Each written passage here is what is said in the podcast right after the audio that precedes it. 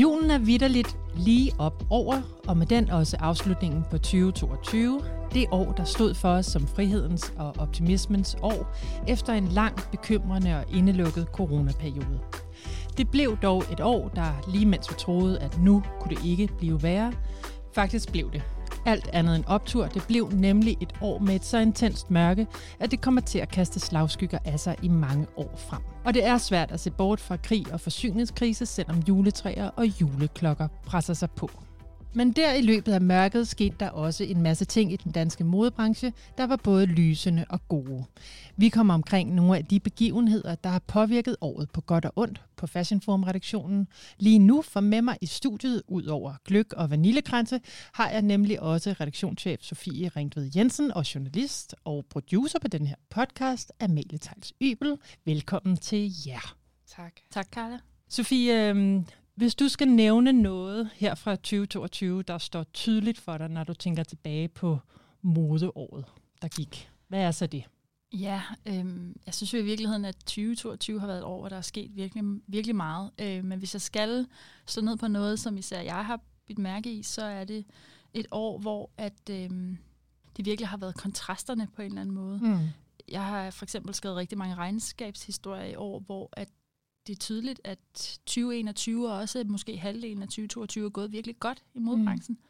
Der er rigtig mange, som har haft meget vækst, som har øget både top og bund, øhm, som virkelig har kommet godt ud af den krise, vi ellers lige kommer ud af. Men, som, men det slående er, at, at når man taler med dem, eller når man kigger ned i deres regnskaber, så er det faktisk bekymringerne fra indeværende år og næste år, der fylder mere mm. end, end den vækst, de i virkeligheden er, er der for at præsentere. Og det, og det synes jeg er bemærkelsesværdigt, fordi vi oplever virkelig en branche lige nu, som, som er meget bekymret og meget mm. øh, bevidste omkring de udfordringer, som de står overfor lige nu, men også som de måske i virkeligheden kommer til at stå endnu mere overfor i 2023. Øhm, så kontrasten har været stor igennem de regnskaber, mm. der har været, som jo i virkeligheden også er en rigtig god måde at, at tage temperaturen på den her branche på øh, når man kigger på, på, hvordan det går økonomisk. Det er jo alligevel summen af det hele, kan man sige. Ja, jeg tror også, at det, der slår mig, er nogle kontrastfyldte ting, men jeg kunne godt tænke mig lige at høre dig også, Amalie. Hvad, hvad, når du tænker tilbage på det her år, der er gået øh, på Fashion Forum-redaktionen, hvad slår så dig? Jamen, jeg tænker, hvis vi netop kigger på redaktionen, så er en ting, det er jo, at vi har lanceret den her podcast, ja. som er noget, vi har snakket om i rigtig lang tid, og i år skete det, og det synes jeg da mm. at godt man lige kan slå et slag for. Ja, og hvad ja. er det? Næsten øh, 800 minutter, tror jeg, vi fik at vide, ja. at vi har produceret her hen over året. Så det, ja. det, vi da godt, øh, det kan vi lige sige skål på. Ja, skål for det. Jeg tror faktisk, vi rundede de 800 med det sidste mm. afsnit. Så, øh. Ui, det var gløk. Og der har vi jo også haft nogle virkelig interessante mennesker inde i studiet, og vi har blandt andet lavet de her sommerportrætter hen over sommerferien mm-hmm. med Ditte Refstrup og Cecilie Bansen og Mads Nørgaard, som har været vores allermest lyttede afsnit sammen med det Dansk Magazine 20 års jubilæumsafsnit, vi lavede med uh, Uffe Bukhardt og Kim Greno mm. i foråret. Og det var jo faktisk programmer, hvor vi går helt tilbage og snakker med dem om, hvordan de er blevet til øh, dem, de er, og hvordan deres rejse ind i modebranchen har været. Lige præcis. Mm. Jeg tror også, øh, jeg lægger mig lidt op af dig, Sofie, hvis jeg, når jeg tænker tilbage på det her år, for det er jo klart, at den her krig med i Ukraine, som, som startede i slutningen af februar, den 24. februar der, jeg kan huske, vi lige bagefter, hvis vi lige skal vende tilbage også med podcast, der lavede vi en podcast få uger efter, som var sådan en, hvad gør man i krisetider? Og der tror jeg bare, på det tidspunkt, der havde vi slet ikke forudset, at det her det var noget, der ville strække sig så langt. Og nu står vi, og når man kigger på det nu, så tænker man, det kan godt komme til at vare flere år frem. Men det er klart, at krigen og dens følger har jo kæmpe indflydelse på alt, hvad der er sket i branchen her, på, øh, produktion, på materiale, omkostninger, øh, transport. Alt er bare blevet så meget dyrere for brandsene at producere. Øh, logistisk, alt er bare blevet så svært, og samtidig så har man så også en, øh, en forbrugerskare, som er super presset af inflation og også alle de andre ting, der har blevet dyrere, mm. som ikke køber så meget. Mm. Øhm, så det er jo virkelig den der kontrast. Men så den anden, i den helt anden modpol, så når jeg tænker på det her modeår, der er gået, så synes jeg, at Copenhagen Fashion Week i august var virkelig sådan et højdepunkt. Mm. Det var virkelig sådan en, øhm, en, sådan en meget smuk manifestation efter den her coronaperiode på, hvad det fysiske show og det med at bringe mange mennesker sammen og at se tøj på levende modeller live, hvad det, hvad det fylder og hvad det kan gøre. Mm. Og så var det samtidig også bare en kæmpe kærlighedserklæring til København, fordi der var så mange shows, der blev holdt rundt omkring på locations i byen, øh, Lille Langebro, øh, Refshalleøen, øh, Kongens Nytorv. Ja, Kongens Nytorv øh, med Saks Pots, Frederiksberg Runddel, Ophelia Plads. Der var virkelig fine, fine shows, der blev holdt. Så det er jo det er noget meget mørkt, og noget meget lyst og levende og lejende, som, som modeugen var i sommer. Ja, og det er jo i virkeligheden også det, som, som jeg også mente, det der med, at, at, at der er sådan en ambivalens på en eller anden måde, ikke? Og, og, mm. og det er meget klart, hvor, hvor, hvor meget vi også har lært af den her coronakrise, at der er virkelig også et stort behov for at se lidt ud over de mm. udfordringer, der er, og ikke lade dem fylde det hele. Øhm, men det kan jo godt være lammende nogle gange, når der er så meget usikkerhed. Øhm, ja. Fordi vi ved jo, som du siger, ikke hvornår den her krig slutter. Vi ved ikke, hvornår øh, følgerne af den mm. øh, vil stoppe med at påvirke branchen. Øh, det, det, det er meget svært at, at forudsige, hvad der kommer til at ske. Det har vi jo set i flere omgange i, den her, i det her år, altså hvordan det, det hele pludselig er blevet ting, man troede var på en måde, har pludselig været på en anden måde. Og det har vi jo mm. også lært efter corona, at man kan ikke rigtig øh, vide sig sikker på noget. Så det er lidt som om alt er oppe i luften ja. lige nu. Og især for, øh, for midtersegmentet af brands, som jo rigtig mm. mange danske brands lægger sig i det her midtersegment. For det virker til, at de helt high-end øh, luksusbutikker, der er stadig kø uden foran dem. Ja. Og øh, jeg tror også, de, de, øh, de altså fast fashion, de billige mærker, desværre kan man sige, og stadigvæk bare buller der ud af. I hvert fald, hvis det bliver gjort på den forkerte måde, kan man sige. Altså, mm. altså i virkeligheden bliver øh, 2023 jo nok et år, hvor det hele rykker sig lidt. Øh, nu har jeg selv lige talt med forskellige kilder i dag, som til en artikel, der kommer ud øh, om et par dage omkring 2023. Ikke? Og, og det er tydeligt, at, at vi overlever jo og det er tydeligt, at branchen den kommer jo bare til at ændre sig. Den, mm. øh, den lukker jo ikke ned af de her udfordringer. Der kommer bare til, der kommer bare til at være et skifte i, hvem det er, der, der går forrest, og hvem der måske må sadle lidt om. Og det, det er jo i virkeligheden også noget af det, som for eksempel Anders Folk Poulsen har været udtalt i forbindelse med bestsellers regnskab, at, at han forventer, at øh, den her krise kommer til at betyde, at folk får lyst til at købe billigere varer. Mm. Øh, og det kommer jo, kommer jo dem til gode, ikke? Men kommer måske til at ramme middagssegmentet, som mange danske brands, som du siger, ligger sig i. Men det der med, øh, som du lige siger, med bestseller der, det, det, øh, det rammer jo faktisk ned i en anden stor ting, der er sket i år. Mm. Netop at EU har været ude og lancere en strategi, der vil gøre op med fast fashion og greenwashing af mode. Fuldstændig definerende lød det faktisk fra lektor og modeforsker Elsa Skjold, da vi havde hende i studiet til at fortælle om betydningen af den her strategi, som EU lancerede. Det lød sådan her.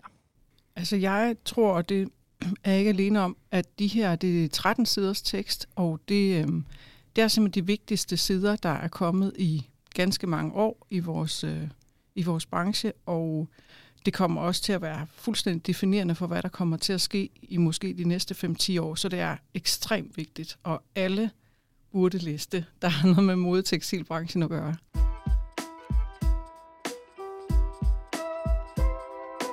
Det er jo vigtigt at sige, at det er jo ikke en lovgivning, der er blevet vedtaget nu. Det er en strategi, som man vil arbejde hen imod. Men vi har jo på flere områder herhjemme også mærket en større politisk opmærksomhed. Blandt andet så er der kommet et nyt sektorsamarbejde, der ligger så meget i tråd med den her EU-strategi. Sofie, vil du ikke uh, fortælle os lidt om det? Jo, jamen det var jo et samarbejde, der blev lanceret under modeugen, hvor øh, daværende miljøminister Lea Wermelin præsenterede det. Og på det tidspunkt var samarbejdet startet med Lifestyle Design Cluster, og så mellem Miljøministeriet, Værmelin i front, og så på det, det tidspunkt tror jeg, det var 10 danske brands, mm. hvor det blandt andet var Ayayo, Gani, bestseller, der var, der var med og havde ligesom skrevet sig op til det her, hvor, hvor igennem de så forpligter sig til forskellige mål. Et af dem er blandt andet, at de skal at alt tøj og tekstil skal bestå af mindst 40% genanvendt materiale inden 2030. Mm. Og, og det er jo en af de ting, som ligesom er blevet affødt af, det her, af den her nye strategi, som der er kommet i løbet af året, og, og der er flere andre initiativer, som i, som i virkeligheden er, er kommet ud af det, og jeg, og jeg synes virkelig, det er noget, som man mærker nu, at, øhm, at branchen er meget bevidst omkring, at der er nogle ting, der kommer til at ændre sig. Det er noget, som branchen, som også øh, Else Skjold siger i klippet her, bliver nødt til at forberede sig på på nuværende tidspunkt. Mm. Øh, fordi dem, der ikke er forberedt på det, kommer til at bøde for det i virkeligheden, når Mm. at lovgivningen er på plads. Og man kan sige, endelig er der kommet den her politiske Mm. opmærksomhed på det. Den er stadig ikke så stor, som jeg egentlig godt synes, den kunne være. Mm. Lea Wermelin besøgte også Dansk Mode og Tekstils uh, topmøde i efteråret. Jeg har lidt sådan en fornemmelse af, at hun talte en lille smule ned til branchen. Det er mm. Lidt som om, at det er noget, vi skal have ind med skære, Mm. det her med lovgivning. Sådan tror jeg slet ikke, det er. Jeg tror i virkeligheden, der er mange, der har efterspurgt og, og håbet og længtes efter den her lovgivning, fordi det bliver også nemmere at kommunikere en masse ting ud til forbrugerne, hvis der er noget mm. Mm. lovgivning bag. Og så også bare blive taget seriøst som branche. Det Mm. er et af de, øh, hvad er det, det fjerde eller femte største erhvervseksportvarer, mm. vi Mm. har. ikke? Øhm, så det er jo en tung industri, og Ja. det skal også tales om som sådan, og tales til som sådan. Helt sikkert. Jeg tror også, det som, som der var problemet med Lea Wermelins oplæg til Dansk Mode Tekstil, ellers rigtig gode topmøde, det mm. var jo også, at Bestemt. vi er ved at være et sted, hvor, hvor branchen har ikke brug for konstant at få at vide, nå, jamen, vi er dem, der udleder så og så meget. Altså, Mm. vi ved det godt. Vi har ligesom fastslået, at der skal ske noget. Lad os Ja. snakke om, hvordan vi gør det. Vi mangler konkret handling. Og det, det er sådan noget, som, som lovgivning helt øh, Ja. lavpraktisk kan hjælpe med. Ikke? Og midler. Og midler selvfølgelig. Ja. Der er masser af bum på vejen, øh, men politiske indblandinger er virkelig kærkommende, mm. og jeg tror også, det er derfor, at sektorsamarbejdet i dag er op på 59 virksomheder, der har skrevet under. betydeligt flere end de 10, der var i, i august i Præcis, sommer. det er, det er klart voksne. Ja. Mm. Nu må vi så se med den nye regering. Nu er det jo øh, Magnus Heunicke, der har overtaget sektorsamarbejdet, og øh, hvor det lige placerer sig på hans agenda, det må øh, tiden vise. Nu må vi se. Fra politik og sektorsamarbejde, så skal vi lige over til noget lidt andet, der også har været stort fokus på i år, og det er nemlig fokus på nye designtalenter. Noget, som der er kommet et mere systemisk samarbejde omkring at få til at lykkes.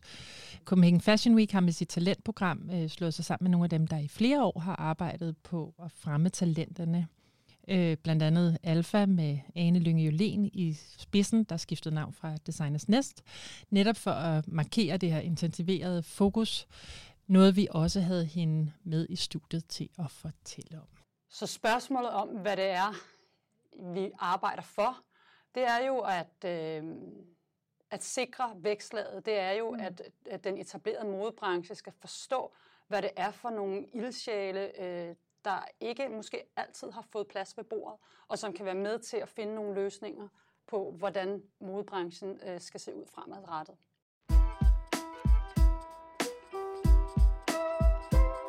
Og så er der jo Vessel Fett, der står bag Skandinaviens største modepris, og i år nominerede strikdesigner Sofia Kalet, Niklas Skovgaard, Biro og Tobias Birk Nielsen, der løb af med sejren.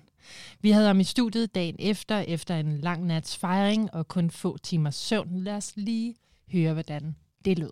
ja, der er flere, der har sagt sådan, "Nå, var du ikke glad? Og jeg var vanvittigt glad, men jeg har øh, jeg kan godt mærke både en kombination af træthed og super mange følelser. Øh, det gør, at jeg godt lige sådan går lidt ind i mig selv i lige den mm. stund der. Og så er det først senere på aftenen her klokken 4 om natten i Kødbyen, at, øh, at jeg så virkelig øh, makser ud.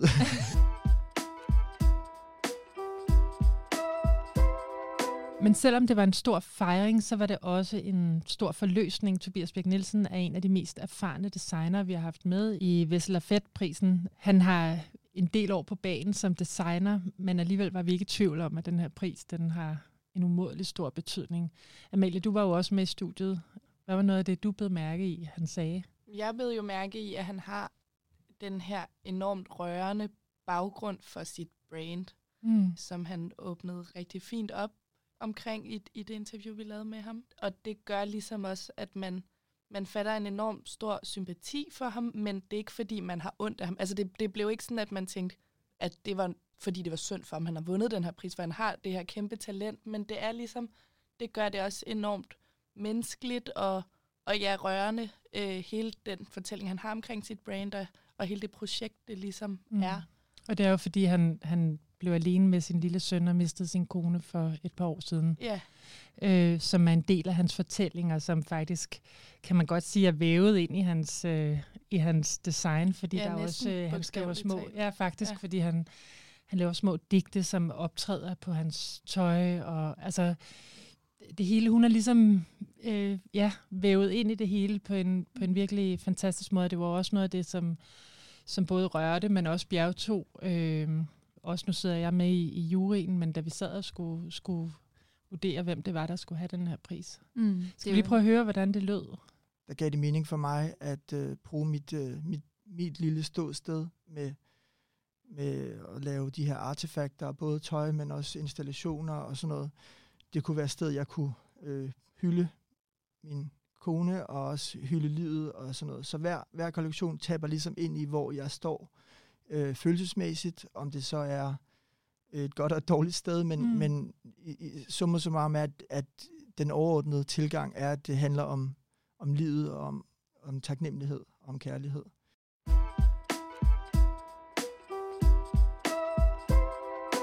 Øh, noget vi taler om meget dengang lige omkring prisen her, var nok, om der var nogle paralleller mellem de designer, der var nomineret. Og det var der faktisk ikke. Altså Nej. det var nok den mest alsidige flok, vi har haft nomineret til dato. Men netop det har jeg sådan sidenhen tænkt over, at det ligger der jo også et kendetegn i. Altså det der med, at, at det, det er så broet en flok af designer, vi ser nu, der kommer med så meget, og, og altså der er ligesom ikke sådan en ensretning på, hvad man skal kunne eller være, eller se ud som, når man, når man er designer i dag. Nej, det er meget, altså man kan ikke sige, dansk mode er det her. Hvis mm. man kigger på de talenter, vi har lige nu, og de talenter, der kommer ved næste modeuge, der kommer der jo ligesom et nyt hold, kan man sige. Ja, og dem vi ser hos Alfa for eksempel ja. også, der, der kommer jo også, det er jo så også hele Skandinavien eller Norden, men der kommer jo også øh, nogle helt andre udtryk på banen der også. Men det her med at have en meget alsidig flok af designer, nu lige her i det her tilfælde hos Vessel og Fett, ser jo egentlig også noget meget tidstypisk omkring designbranchen lige nu hos de unge talenter.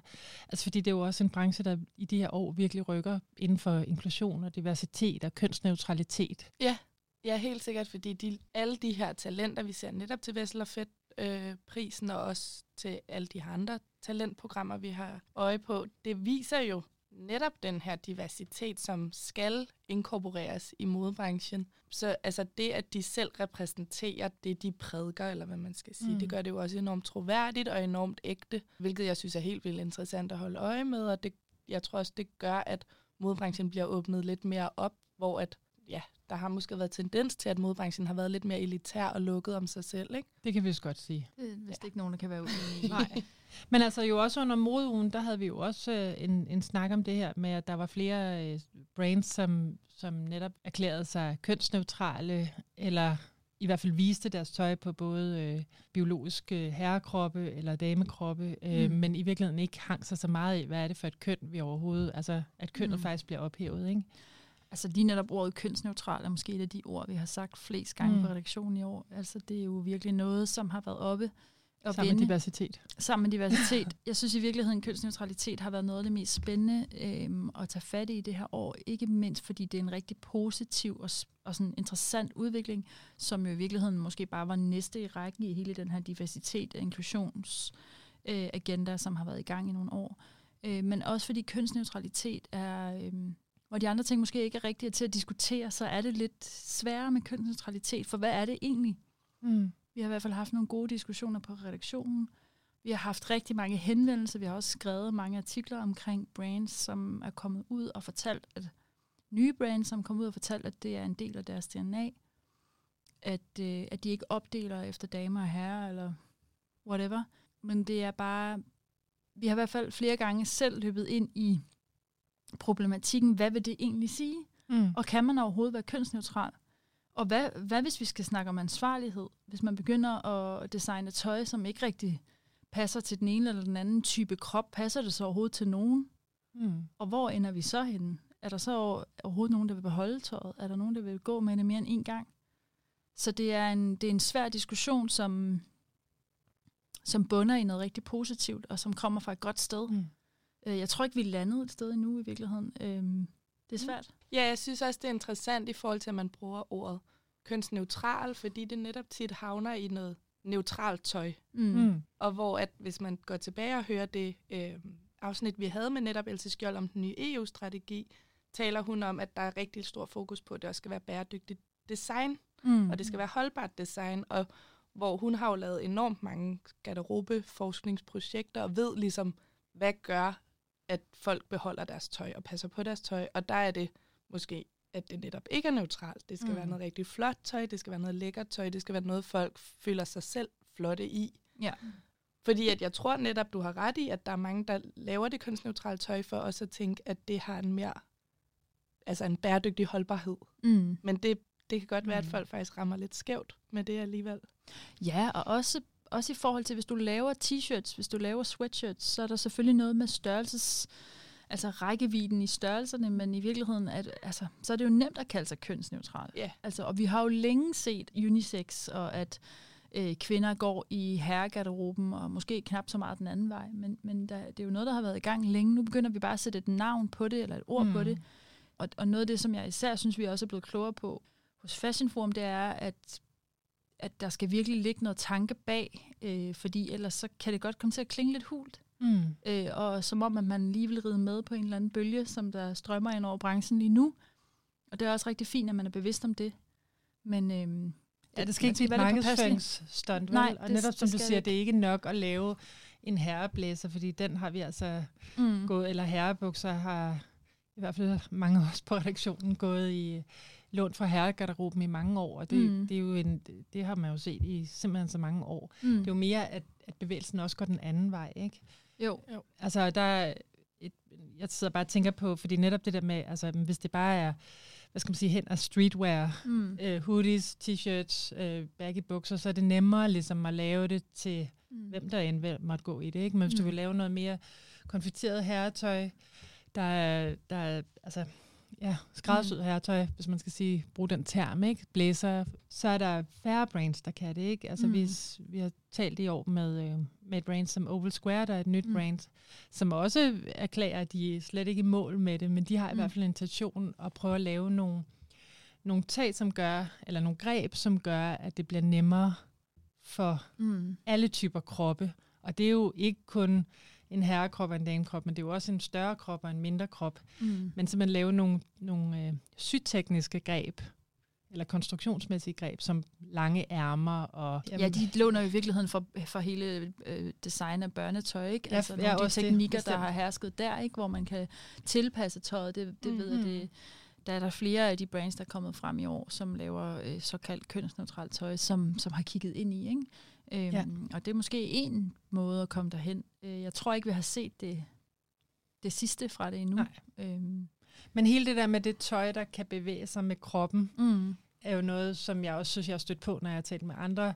Også øh, altså i andre forbindelser, man talt med unge designer, altså det der med, at så kan det snøres ind og ud og mm. Øh, hives op, hvis man gerne vil have noget kortere på, eller gøres, altså alt efter hvor man er henne, det ved man jo også, øh, kvindekroppen ændrer sig jo i løbet af en måned også. Mm. Altså at der er mere plads til, at man kan tilpasse det, hvor man end er, ikke? Jo, og det er jo, vi taler jo i virkeligheden også ind i altså, vores behov for at begynde at designe noget tøj, som folk kan have i længere tid. Mm.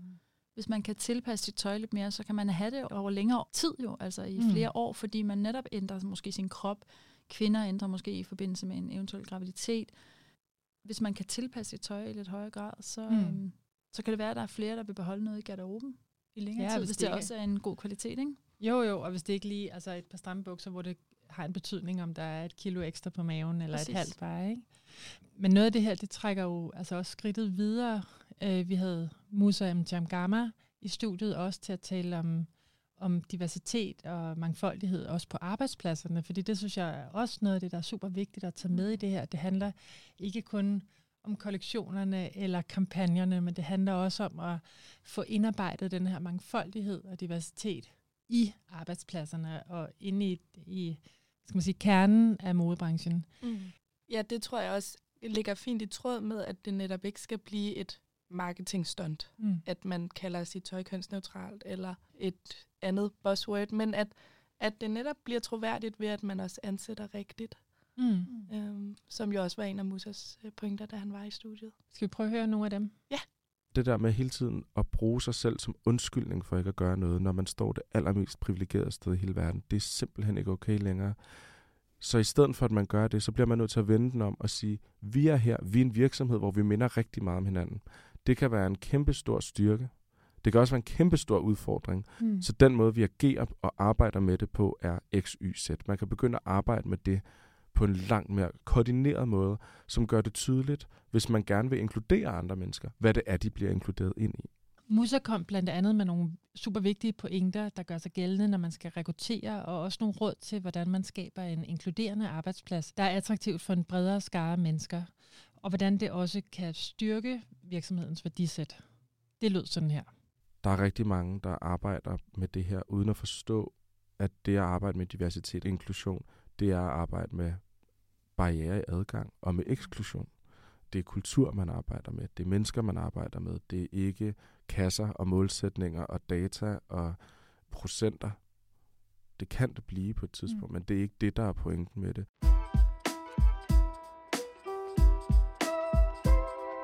Dette var nogle af de øh, highlights og skal vi også sige low points, som vi har mødt i løbet af året.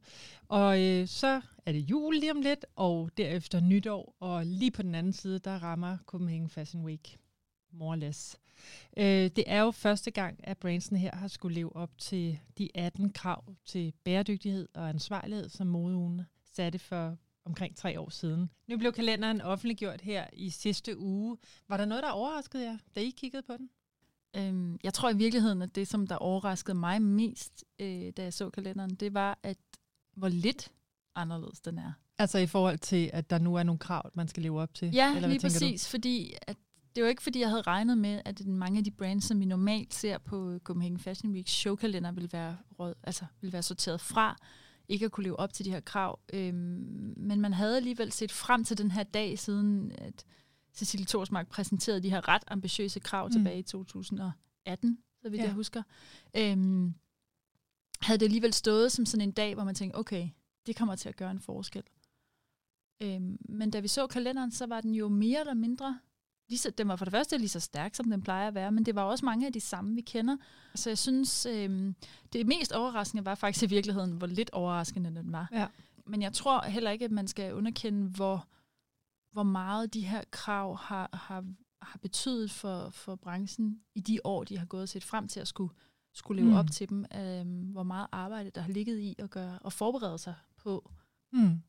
Jeg skal lige se, det var på AV-modeugen i 19, Ja. At de blev præsenteret, ja, de her krav. så det har været januar, februar ja. 19. Ja. Så og siden da, i de her tre år, der er gået, er der jo blevet lagt et stort stykke arbejde, blandt andet fra modeugen selv, mm. i at uddanne og gøre opmærksom på, hvad det er for nogle krav. Så det er jo ikke nogen, der er kommet som en overraskelse Nej, for de, de brand, der er på blå. kalenderen. Nej, og det har jo heller aldrig været Copenhagen Fashion Weeks intention, at de skal have skulle fungere som en filtrering øh, af branchen. De har jo i virkeligheden handlet om at løfte branchen, at vi skulle løfte hinanden og være med til at skubbe branchen i den rigtige retning, men på en, på en positiv øh, måde.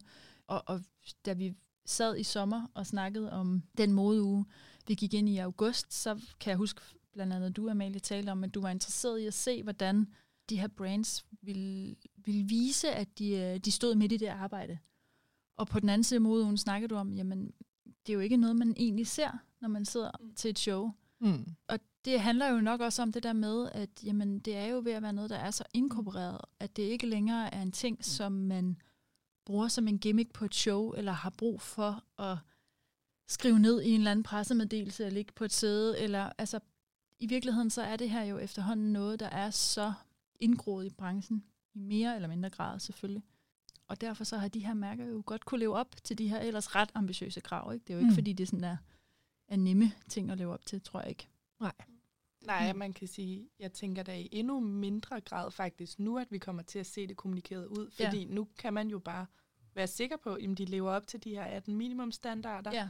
I og med, at de er på kalenderen. Præcis. Det er jo en, en, en, en forsikring for alle mm. dem, der sidder og kigger på, øh, på de her shows, at, øh, at der er ting over alle aspekter. Ja. ja. Det bliver i hvert fald super spændende at se. De er vi nede på, eller oppe på ja. 29 brands, som er på kalenderen øh, i år, og dertil kommer jo så garanteret en masse spændende events og alt muligt. Ja, ja, det bliver en lige så fyldt og spændende måde, som, som det plejer at være. Uden tvivl. Men øh, venner, nu tror jeg, at vi skal sige øh, god jul og godt nytår. Mm, glædelig jul. Og øh, tak til alle dem, som lytter med, og måske og forhåbentligvis har gjort det gennem året, og ellers har lyst til at gøre det i løbet af 2023. Vi har masser af godt i vente. Og skulle du sidde mellem jul og nytår og lige have lidt ekstra tid, øh, eventuelt noget transporttid, så vil vi anbefale, at I går ind og lytter nogle af vores gamle programmer, måske endda nogle af de portrætter, vi har lavet med blandt andet Mads Nørgaard, Cecilia Bansen og Ditte Refstrup. Der er i hvert fald masser af gode lyttetimer til jer.